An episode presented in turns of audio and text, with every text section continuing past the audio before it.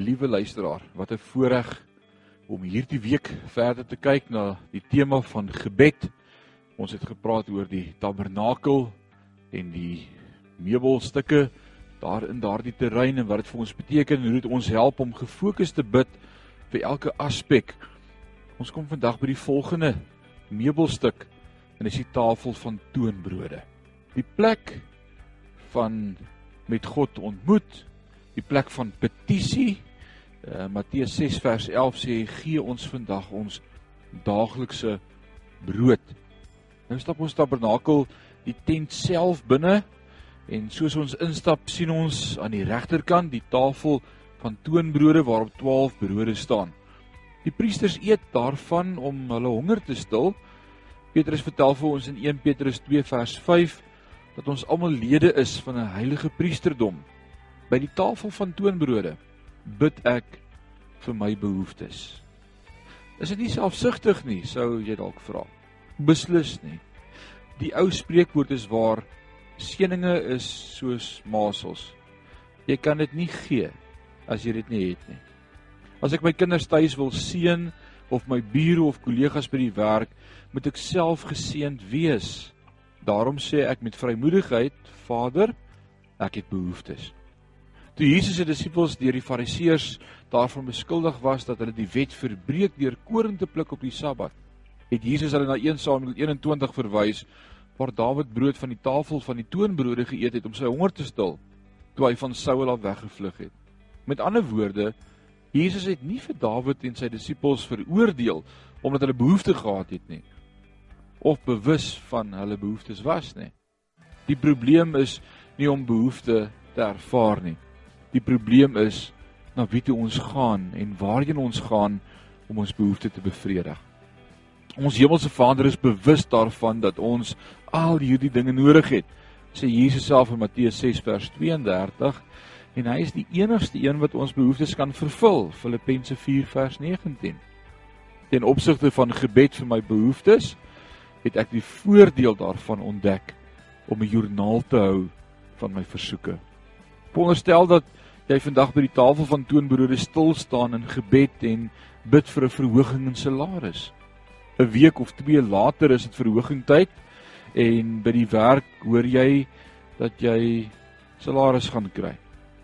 Jou gebed is geantwoord jou gebed is verhoor.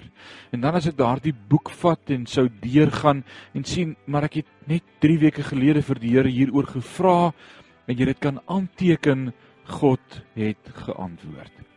Of dalk is daar 'n gebed wat jy in jou boek skryf en 'n maand later is daardie gebed nog in jou boek en nog nie geantwoord nie. Hou aan om daarvoor te bid. Hou aan om te bid.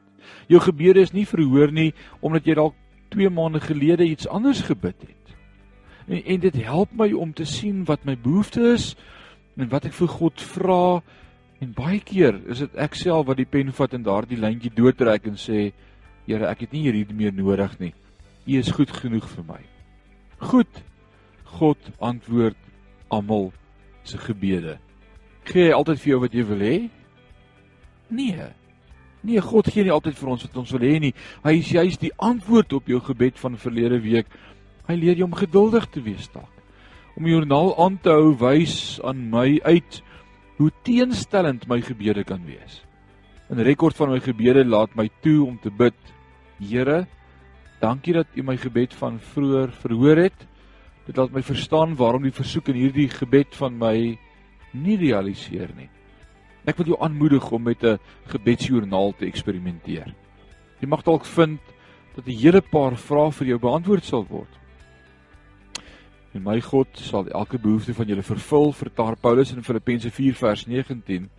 Die tafel van toonbrode spreek van die begeerte en vermoë van die Vader om juis dit te doen. Na dit alles het hy reeds vir ons sy beste gegee, die brood van die lewe, sy seun. In verhouding is alles waarvoor ons vra so maklik vir hom. Kom ons bid saam. Ewige God en Hemelse Vader, as ons stil word voor U genade troon, dan wil ons ook met vrymoedigheid kom en sê daar is behoeftes in ons harte en ons lewe. Sekere dinge wat ons kort kom, En help ons om met vrymoedigheid ook met U daaroor te mag praat. Dat ons weet dat U ook die brood van die lewe is en dat U reeds die beste aan ons gegee het, U seun Jesus Christus, maar dat U ook vir ons wil antwoord en wil hê ons moet groei in ons verhouding met U. Help ons om te onthou wat ons bid en wat ons behoeftes is, maar ook om dankie te sê as U daarin voorsien. Aan U al die lof en al die eer in hierdie dag is ons gebed in Jesus naam. Amen.